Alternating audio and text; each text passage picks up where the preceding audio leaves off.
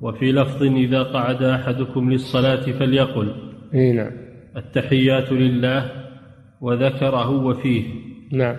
فإنكم إذا فعلتم ذلك فقد سلمتم على كل عبد صالح في السماء والأرض. بدل أن تقولوا السلام على الله من عباده السلام على جبريل وميكائيل بدلا من ذلك قولوا السلام علينا وعلى عباد الله الصالحين.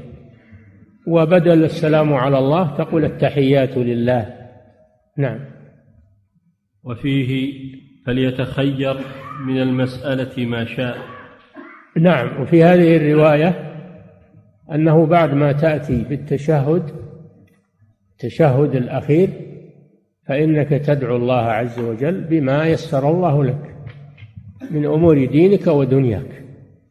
بعد ما تأتي بالتشهد قبل السلام تدعو الله عز وجل وتكثر من الدعاء لأن هذا من مواطن الإجابة. ولم يعين صلى الله عليه وسلم دعاء بل فتح الباب لكل مسلم أن يدعو الله بحاجاته في دينه ودنياه. إلا أنه يأتي في الحديث أن الرسول عين بعض الأدعية مثل أعوذ بالله من عذاب جهنم ومن عذاب القبر فتنة المحيا والممات. ومن فتنة المسيح الدجال فتأتي بما عينه الرسول صلى الله عليه وسلم وتزيد عليه ما تيسر. نعم.